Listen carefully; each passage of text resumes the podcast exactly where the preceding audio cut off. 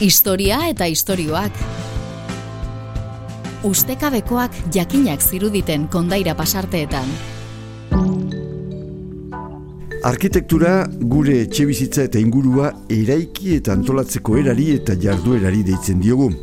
Hau, ia beti gizonen mundu izan da, baina gero eta emakume arkitekto gehiago dago eta beste ikuspegi eta irizpidea dute etxea egiterakoan. Hau bada Juana Ochoa garrantzitsua da e, gizonezko gehienek ez zutela zainketaren ikuspegia. Hori emakumen lantzat hartzen zelako.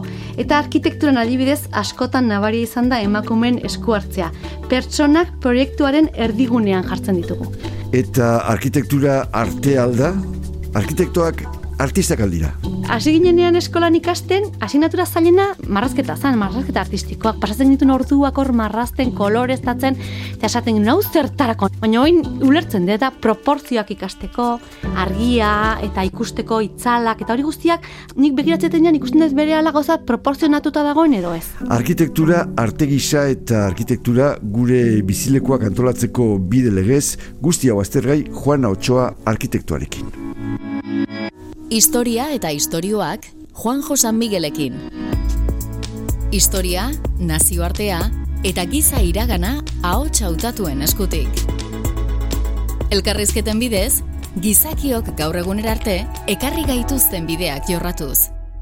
Juana Ochoa arkitektua da eta Euskal Herriko arkitektuen elkarteko presidentea bere lan jardueran, etxe bizitzen eraginkortasun energetikoa du eta dute berak eta bere lantaldeak helburu eta bere lanaren ardatz nagusi. Bueno, txoak, eixo, zemuz? Arrataldeon. Oso. Arkitekturari Euskaraz etxe intza ditu zen diogu, baina, ez dakit, arkitektura hori baino gehiago, ez da? E, ba, bai, etxegintza ditu baino, etxegintzarekin erlazionatu izan da, bakarrik. Baina hori baino gehiago da, irigintza eta plangintzak zer esan handia dugu arkitekturak. Eta, esaten dugu hori, etxegintza, baina nola definituko zenuke, o nola deituko zenioke arkitekturari? Bueno, arkitektura hori esan dugun bezala, etxegintza da, alde batetik etxeak eraikitzen ditugu, etxe bizitzak eta beste beste eraik, eraikin batzuk ere, baina plangintza ere oso garrantzitsua da, hiriak nola izan behar dian, eta hori eta gero urbanismoa ere. Orduan, eske maila asko hartzen du arkitekturak. Hori esan izun, etxegintza baina gero etxe horiek nun egiten diran, nola egiten diran, hori arkitektuak bai. bakarrik antolatzen du, edo badago jende gehiago, tekniko gehiago, arduradun gehiago, bai. nola izaten da? Egoten dia tekniko gehiago, abokatuak egoten dia, ekonomistak eta egoten dia, toki guztietan daude, baina, bai, azkenean, e, talde, bos, em, lan asko talde, e, taldeak dira, baina nik uste buruan beti arkitektoa egon behar da gauza kondo egiteko zentugu bizi hori e, globala ikusten dugu, ez? Azkenean gure gure ikasketak horrela horrela ikasi dugu, ez? Gauzak e, toki askotatik begiratzen ditugu beti, ez? Gauza txikitatik handitara, eta orduan hori buruan daukagu beti. Eta orduan hori e, zenbakiak egin behar dira, kalkuluak egin behar dira, zenbat etxe bitzitza, zenbat e, metro karratu eta hori guztia.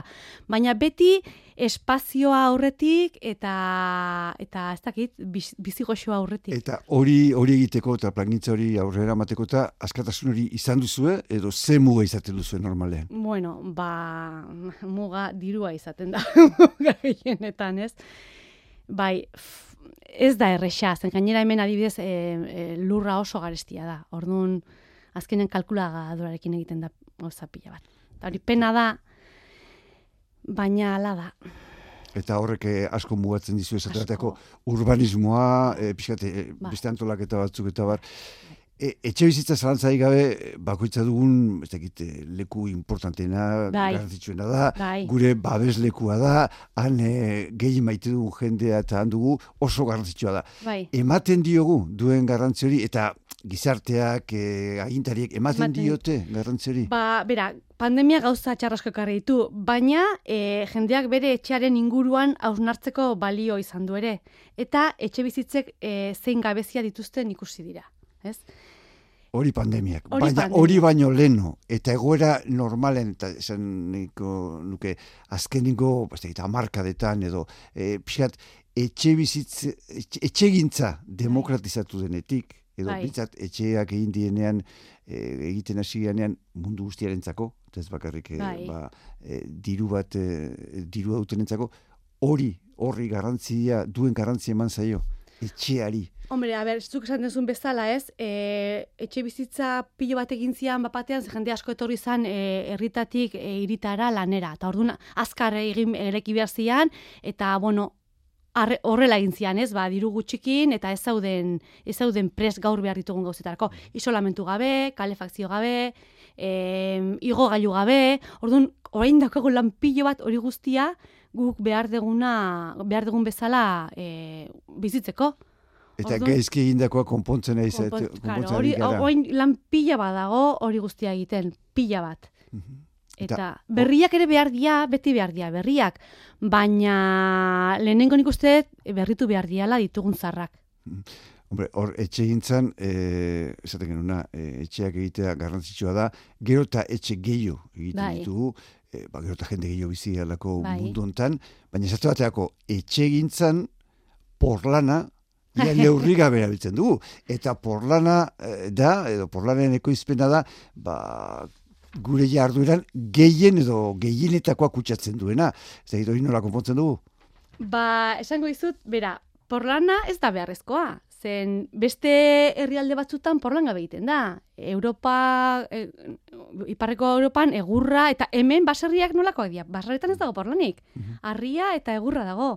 Orduan ez da beharrezkoa, edo zati txikita bat, igual zimentutan, baina porlanezko etxeak ez dira, ez dira izan behar. Ez dira beharrezkoa, baina ez dira zukatuko e, munduan eta gure inguruan eta... Momentu bat egon zan, dena pues, berria zan porlana, e, bazidurien porlana betirako zela, eta orduan, eta bos, azkarra, eta baina nik uste egurra garrantzitsu handia dula, eta gaur egun egurrez gauza pilo bat egite. Aldatzen ari da hori. Bai, asko, asko. Gauza, gertatzen dena da orain ikaragarri garestu dela egurra. Bueno, dena garestu da, baina egurra gehiago. Baina guk azkeneko egin ditugun azkeneko etxeak egurrezkoak dira gehienak, eh? Gehienak. Ematen du, ez da egite, ez jakintasunean mintzat, porlana, ba, iraunkorra, sendoa eta betirakoa da eta, eta ez, egurrari nagoa, ez da hola. Keba, keba, keba zen bat mende dituzte baserri batzuk. Ni gogoratzen ez lehenengo egin genuen obra zan nire aitonaren etxea anariarentzat. Eta aitak esan zuen, ba, bota eta berri egin porlan ez da, nola, nola bota, ez ez zitun paretak. Eta barruan egitura, egurrezko kriston egitura polita, bota genitun pareta guztiak, hori bai, leioak ez genitun handitu, oso politak zialakoz, baina berri bat e, iriki genuen goiti bera, eta hordik, eta gero goitik patio bat egin genuen, eta argiak goitik beraino sartu genuen, eta holako joku pila bakat aldia egin. Mhm. Eta hor, zuritzen zaizu momentu enten agian garrantzitsuagoa dela, daudenak berritzea Bai, eta bai, egokitzea noski. berriak egitea Noski, baino. noski, bai, bai, bai, lehenengo hori, lana dago, eh, berritzen. Zen, Mhm. poliki-poliki goaz, presa sartzen ari dira, eta Europatik orain diru pila badator hortarako, eta ez dakit pres gauden, hainbeste jende pres dagoen egin behar den bezala lan orain, ez orain, eragin, e, etxeak e, efizienteak izateko, e, lana oso egin behar, oso ondo egin behar da, eta jendea jakin behar du nola egin lan, eta ez daude hain, ez. Irutzen zaizu ez da egiten hori. Zer? Ez, e, guri eskatzen zaigu beti egon behar gea punta-puntan ez dena jakin behar dugu, teknika berriak, material berriak, eta hori egiten dugu normatiba berria, dena. Baina gero, obra iristen zarenean, lehenengo planoak ez dakite irakurtzen, planoak ez dituzte begiratzen. Eta gero, igual orain lehioak beste modu batea jartzen dira, e, lehen esan duguna, airestapen sistema berriak behar ditugu, eta hor lan pilo badago iteko, baina langil, osea, langiletan. Zer, zuk salto handia dagola Bai, eh, planteatzen dana, egite, bai, planoetan bai, egiten dana, bai. eta ondoren gero eraikuntza lana egiterakoan. Historia eta istorioak. Hitza, hotsa eta soinua. Bueno, etxeak betik egin dira, eh, eraikuntza betik egin dira, baina esan genezake, hogei garren mendean, emeltzi, hogei garren mendean egon zala Bai. sakoneko aldaketa bat, eta hasi ginela, edo hasi zinetela, edo, edo gizarteak hasi zirela, eh, klase pobrenentzako, erdi mailako klaseentzako, Mhm. horientzako eh, etxeak egiten, Bai. hortaz pentsatzen. Nola izan zen eh, aldaketa hori? Nola? Ba, lehen esan izutena, nola lana e, industriarengatik lan, lanpila bat e, zegoen iritan, eta jendeak utzi zituen herriak, orain daude herri guztiak horutxik, eta iritara etorri zan, da orduan azkar egin behar zen, da hori zan, lehen esan zuena, porlanakin tita batean e, eraikitzen zian, eta orain, pos, etxe horiek, ba, lan pila badute konpontzeko. Eta zein da konponketa? Pues hori, bajagarri behar duguna, lehen esaten duguna ez. E, garrantzitsuena da, bueno, orain energia dakan prezioarekin, ba, e, gutxi gastatzea, ez? Ber, etxeak berotzen. Orduan, lehenengo jertxeak behar, etxeak behar du jertxe, jertxe potolo bat. Barruan egiten dan beroa ez ateratzeko. Gero, bigarrena da, Sigrekitutatik ez joatea, hori da, leioak itxi behar dia ondo, zinta batzu jarri behar dia, eta gero, zuk jertxe jartzen badiozu. Eta sigrekitutatik ez bada airea joaten, leioak ez badituzu irikitzen, ito egiten zea, mm. edo hasten dia e, moak eta hori guztia. Orduan, e, airzatu behar da etxea, makina batekin. Orduan, zu lasai zaude zure etxean, zu etxean, a ber, bos rodo balima daude kanpoan jendeari ezin diozu esan lehioak irikitzeko, iriko ditu bi minutu, baina etxeak gehiago behar du. Orduan, hasikia jartzen nik orain etxean jarri dut, makina bat hartzen du. Kanpotik aire garbia, sartzen du etxera, baina aire hori hotza dago. Eta etxeko airea beroa dago, baina ez zikina dago, kutsatuta dago. Orduan, aire hori botatzen du, baina bota baino lehen kentzen dio beroa. Eta kanpoti datorren aire e, hotz hori berotzen du. Orduan, sartzen da aire e, garbia eta beroa. Bueno, kaletik hartzen dugun e, airea garbia dela, hori beste gauza bada. Nik usten dut filtroa, zer hor filtro badaka, ez mhm. makinara esartzeko zikina. Beltz, beltza jartzen da hile bate batean, eh? Osa, guk arnasten duguna izean nola dan, Bueno, hobeto, Ikusten badezu? Gehi espentzatu. Arkitektuak bai. esatu duzu, bueno, hori, agian, zuen komentatzen nahi zean bai. hori, Euskal Herriarekiko planteamentu izango litzateke, baina, fiskat, aruntza joan da, ez egite, Europan edo Europa iparraldea eta egualdea oso bai. dira, e, esate duzue, aldatu egin behar diela joerak, aldatu behar diela ziurazki teknikak, bai, eta bai. egokitu behar dugula bai. gaur egungo e, bizimodura eta beharretara. Bai, Zer nahi Bueno, ba, hori oso, oso, oso argi dekatnik zer, zer dan. A ber, e, etxeak izan behar dira. Malguak, irisgarriak eta eraginkorrak. Korte guzu, Zer esan nahi du malguak? E, malguak e, ezin dugulako duela berrogeita mar urte bezala eraikitzen jarraitu. Espazioak behar berrietara egokitzeko gai izan behar dira. Zergatik, alde batetik, lan ere muak aldatzen ari dira. Digitalizazioak etxetik lan asko egiteak albidetu du eta konfinamenduan argi eta garbi ikusi dugu. Gainera, lanbide berriak daude ordenagailu batekin eta interneterako konexio batekin burutu daitezkenak. Eta gainera, konziliazioarekin ere, e, ezin garaztu. Kasu askotan, teleranak laguntzen du. Hori dira beharrak. Hori da beharrak. beste bat, beste bat. Erdibideko espazioak sortu behar dira etxe bizitzetako alde pribatua eta espazio publikoaren artean. Horrek pertsonen arteko komunikazioan lagunduko luke eta pertsona askok bizi duten bakardadearentzako irten bidea litzateke. Eta hirugarrena familia ereduan asko anitz daude. Hori bai, hori, hori da.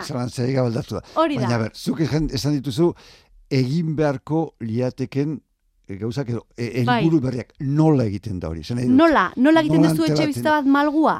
Malgua, e, nola antolatzen duzu hiri bat, nola dituzu etxeak, e, nola ordaintzen duzu, zer pixkat guzti hori e, posible da, gaur egun e, e, ditugun, bueno, planteamentu egin da, etxeak nola egiten dian kontutan hartuta? Bai, bueno, e, esaten, bueno beste gauza bat galdetzen zuen nolaz, e, lehen etxeak haundiak zian, ze familiak haundiak zian, orain familia txikiagoak dira, orduan etxeak ez dira haundiak izan behar, orduan etxeak txikiago bada, gainera hori, persona asko bakarri bizi dira, eta etxea handi bat berotzeko hori garestiago da. Izan behar dira txikiago, Oin, berreun, donostin badaude berreun da berrogeita, berrogei, berreun da berrogeita mar e, kuarrat betroko etxeak, eta hori persona bat rentzako ezin ezkoa da. Ordin, hortik, ateratzen baituzu biedo hiru etxe, hori modu bada egiteko. Gero modu e, asko daude, e, etxeari jertxe hori jartzeko dirua behar da. Baina, igual ez dago, denak ez daukate, ez, e, bizilagun guztiak ez daukate dirurik. Ordun, guk, bueno, e, lan egin dugu horri buruz, e, nik uste modu asko daude egiteko, baina adibidez, dirua lortzeko hori egiteko, adibidez, etxe bizitza bat, bat gaineti jartzen badezu, horrek hori saltzen badezu, dokazu dirua etxe guztia berritzeko. Eta etxe bizitza berriak e, sortzen dira. E, modu asko daude egiteko. Altzamentu bat egitea, do beste ba, piso bat... begiratu behar da, ez zeitzalak ematen ditu. Gauza guzti horiek begiratu behar dira. Baina posible da, e, bos, diru gabe egitea obra hori. Mm. Ba, zuk esatu zu. E... Irisgarriak, esan dizut, malguak. Irisgarriak eta eraginkorrak. Mm Irisgarriak, bueno, denok e, ulertzen dugu zer dan, ez? Mundu guztia sartu eta tea itekela, eta ostoporik, ostoporik ez Hori da, e, etxe askok ez dute igogailurik. Eta ez da bakarrik igogailua. Igual azkar, e, bakarrik da malda, esto, mailatxo bat, ez? Eta hori, bos, rapatxiki batekin. Edo igual, argi interruptoriak goian daude, behian. Gauza asko daude, eta gero etxe barruan, ez? Etxe barruan ere, ateak zabalago, komunak zabalago izan behar dira, -hmm. Lan asko dago hortan. Eta orduan hori pentsatuta berrietarako baina baita Berriak ja hori dena bete behar dute. Hori ja berriak eginda daudenak e... ba konpondu beharria, bos hori atiak zabaldu eta zu Donostin 200 metro karratuko etxeak eta daudela. E, Donostin orain dela 40 urte. Bai. Iaia gaur egun bizi bizi diran bai. persona berdinak bizi zian. 180 mila inguru. Ta orain. Ba, baina etxe kopurua bikoiztu eginda edo bai. edo gehi, ze esan nahi du horrek? Pues zer esan nahi du, ba, lehen esan dezutena, igual lehen familia batek zituen bost zei ume. Orain, familia bakoitzak gehienez bi, bat koma piko, gehienez bi. Eta gero, fa, e, guraso asko banandu india, orduan bi etxe behar dituzte, familia batek bi etxe. Eta gero jende pila bat bakarri bizi da, bakarrik, jende e, zahar asko dago bakarrik, eta orduan normala da, gero eta etxe gehiago, etxe bizitza gehiago behartzea. Baina hor, fixate, kontrasaretan gaude, zuk esaten diazu, ez da inbeste etxe egin behar, egin behar diat, daudenak egokitu, bai, berritu, bai. eta, ba, donosti, eta donosti esaten dut, baina ez da egite, da osoan, eta bai. azkenengo, zango izut, ba, pixkate, krisi horretik, milak eta milak eta milak eta milak etxe egin zidan, ez da? Mm -hmm. Hori amaira gabeko bidea da, ez da ditu esan. Ez, e, a ber, e, esaten zut, etxak txikiagoak behar ditugu, eta gero, e, bakizu zentroak ia utxik daude. Bai. Orduan ezin ja, jun, handitzen, handitzen, handitzen, handitzen, handitzen, eta gero, barrua usten, usten, usten, usten. Orduan horreka bat behar da hor.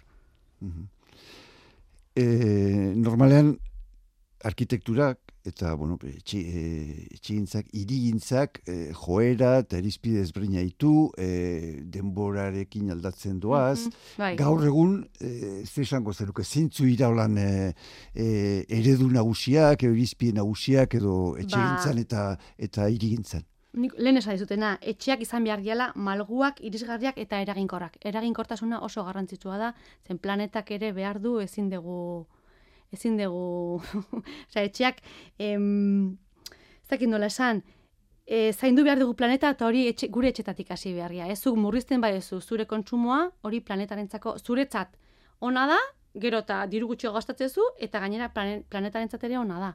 Orduan hori izan behar da lehenengo. Hori da ideia, baina esatu bateako, Suezin edo Alemaniako bai. iparraldean, Italin, eta, eta hemen, eredu berdina dituzte, irizpidez berdina dituzte zentzu dira ba, diferentzia gutxi gora. Nik uste areagoa zela deno bat, erazen e, daukagun arazo hondiena hori da, orduan hori da lehenengo konpondu behar duguna o gelditu behar duguna, ez?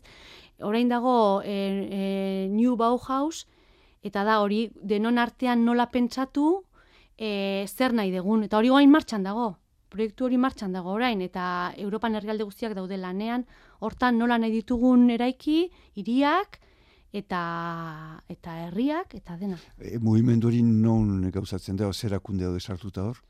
Ba, bueno, e, herrialde guztiak daude sartuta. Gu elkargoa, arkitektu elkargoa sartuta dago, e, bueno, Espainiako ezeska ere dago sartuta, eta eta hemen ere bai. Eta hori, pues, da, hori da, hasi da, beitik, ez, talde, pues, jende mota guztietako jendeak eta bueno, borda poliki poliki ari da lanean, hortik gero gora joteko, ez?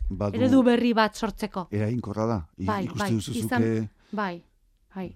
Arkitektura beste arlo asko bezala baina nik esango nuke beste arlo batzuk e, baino gehiago gizonen eremu izan da bai. historian zehar. E, oain, bueno, ikuste dute geota emakume gehiago zaudetela hor eta, eta beste arlo askotan e, ze karpen egin lezake emakumeak, zure ditziz, gizonak egiten ez duena edo. Ze, ze ikuspegi diferente izan lezake emakumeak e, gizonaekiko. Ba, nik uste garrantzitsua da e, gizonezko gehienek ez zutela zainketaren ikuspegia. Hori emakumeen lantzat hartzen zelako. Eta arkitekturan adibidez askotan nabari izan da emakumeen esku hartzea.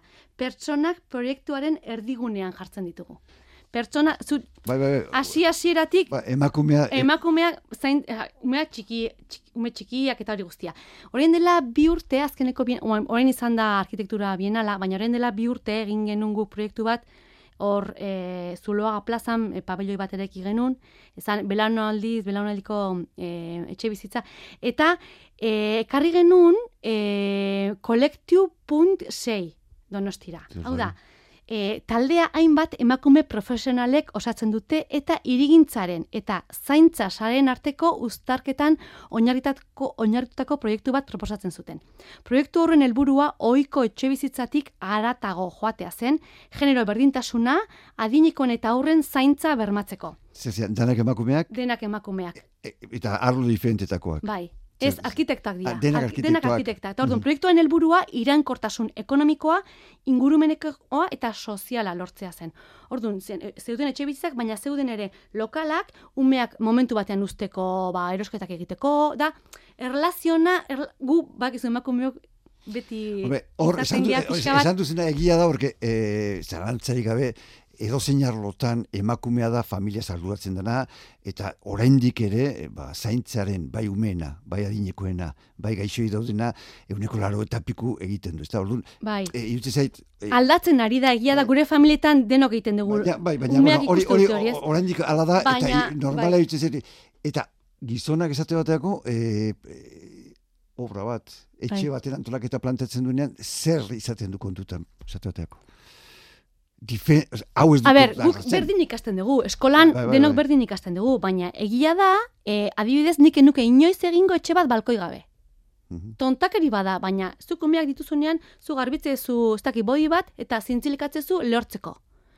Eta gauzoetan eta garbitzeko tokitan pesatzen dugu, eta e, plantxatzeko tokitan, eta gizonak ez zute pentsatzen gauzoi. Hori etxetan bakarrik ez da, gero hori alda pues, guztitara pasa pesatzen dugu gehiago pertsonetan, zer behar duen pertsonak, e, eguneroko gauzetan, eta eta hori uste denik. Historia eta istorioak.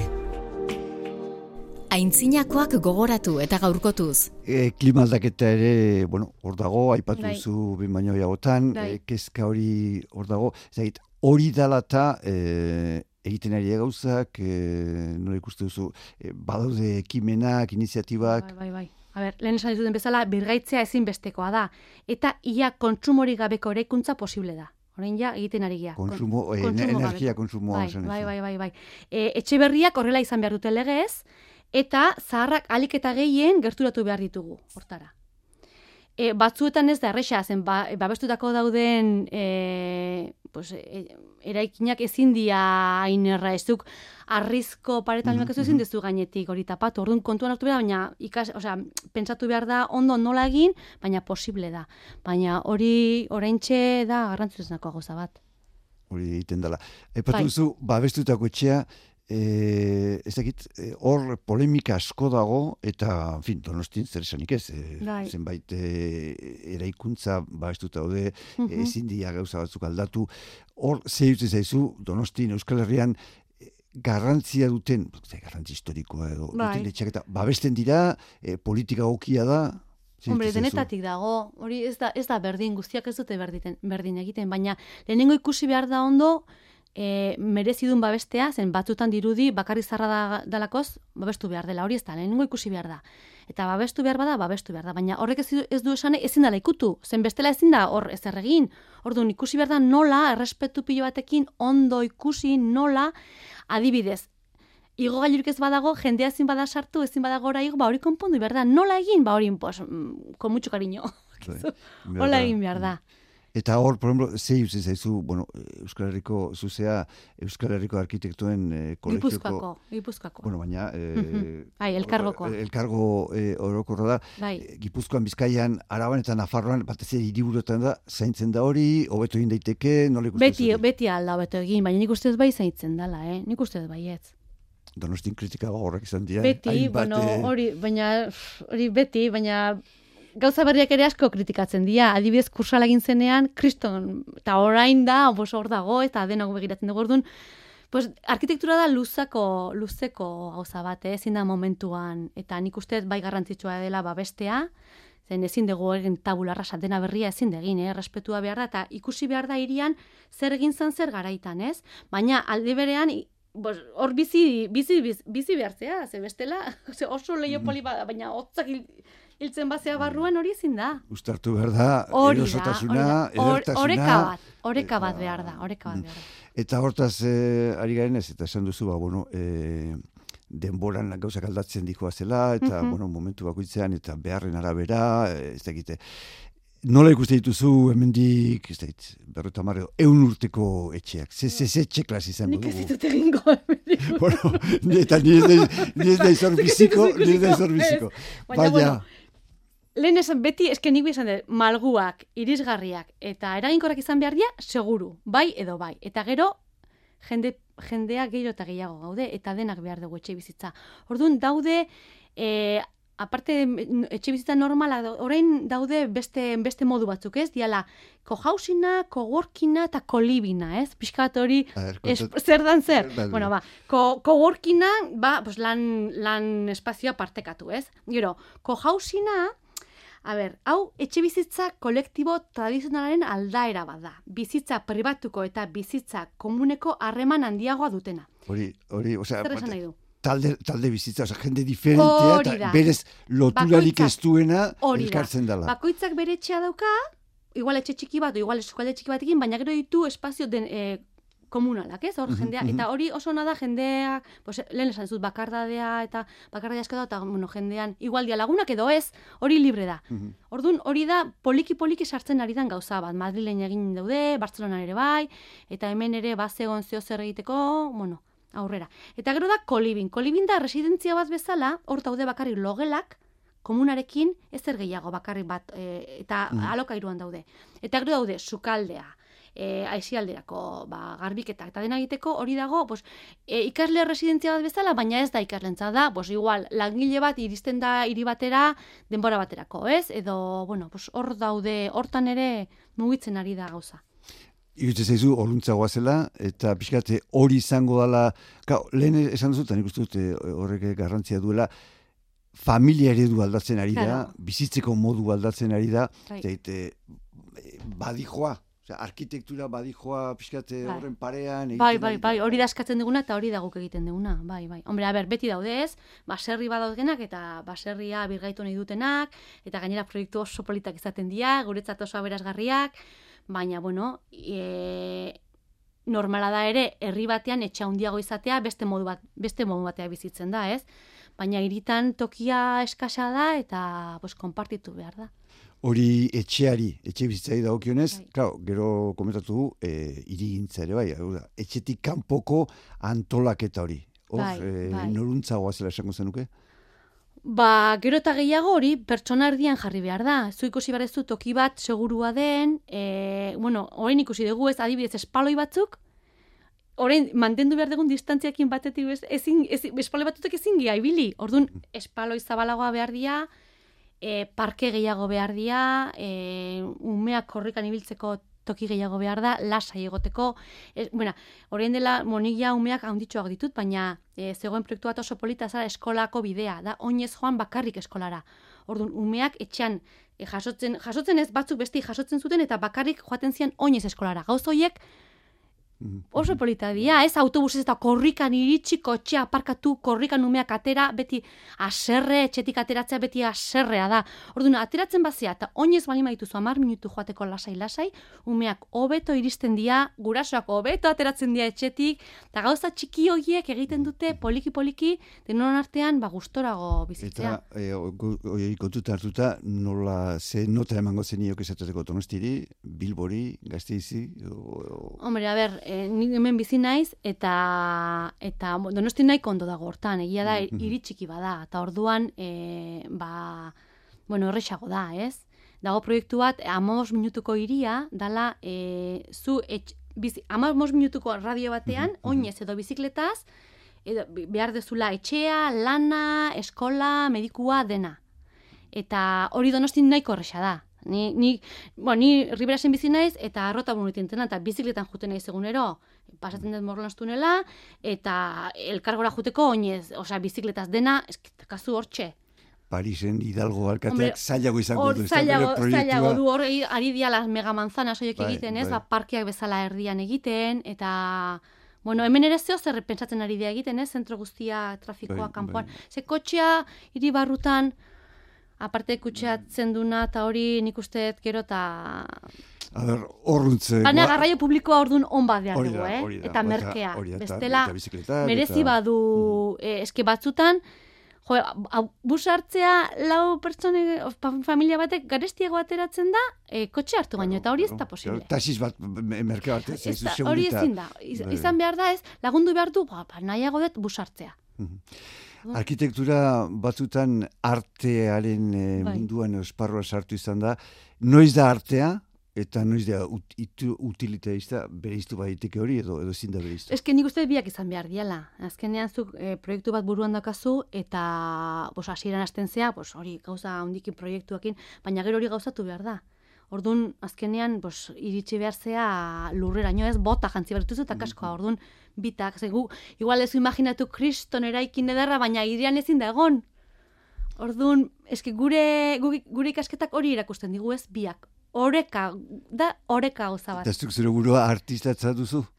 Ba, a ber, nik esango nuke bera, e, hasi ginenean eskolan ikasten, e, asignatura zailena e, marrazketa zan, marrazketa artistikoak, pasatzen ditun orduak hor marrazten, koloreztatzen, eta esaten nau zertarako, nik ez dut ulertzen zergatik margotu berten, o marraztu berten estatu hori ez, baina oin ulertzen dut, eta proporzioak ikasteko, argia, eta ikusteko itzalak, eta hori guztiak, azkenean e, molde, moldatzen duzu burua, eta nik, ust, nik begiratzen ikusten ez bere ala gauza proporzionatuta dagoen edo ez. Orduan, e, guk hemen gure gure ikasketa oso oso kompletoa da, ez? Ikasten dugu hori, arte parte hori, kreatibitate hori, baina gero azkenean e, xetasun txikiena egin behar dezu. Adibidez beste herrialde batzutan ez da berdin, Alemanian hiru hiru arkitektura eskola mota daude. Nigo nintzen Erasmus urte bete estutgarren eta e, arte derreko eskola bazan. Mm Eta handik arkitektuak ateratzen dira. Eta orduan, gaude hor, ez? Bueno, ba, Juan Ochoa, arkitekto eta artista, mila mila esker, zure azalpenengatik eta ba, horrengo arte. Ba, eskarrik asko zuei, horrengo arte. Historia eta istorioak Juan Josan Miguelekin. Historia, nazioartea eta giza iragana ahots hautatuen eskutik. Elkarrizketen bidez, gizakiok gaur egunera arte ekarri gaituzten bideak jorratzen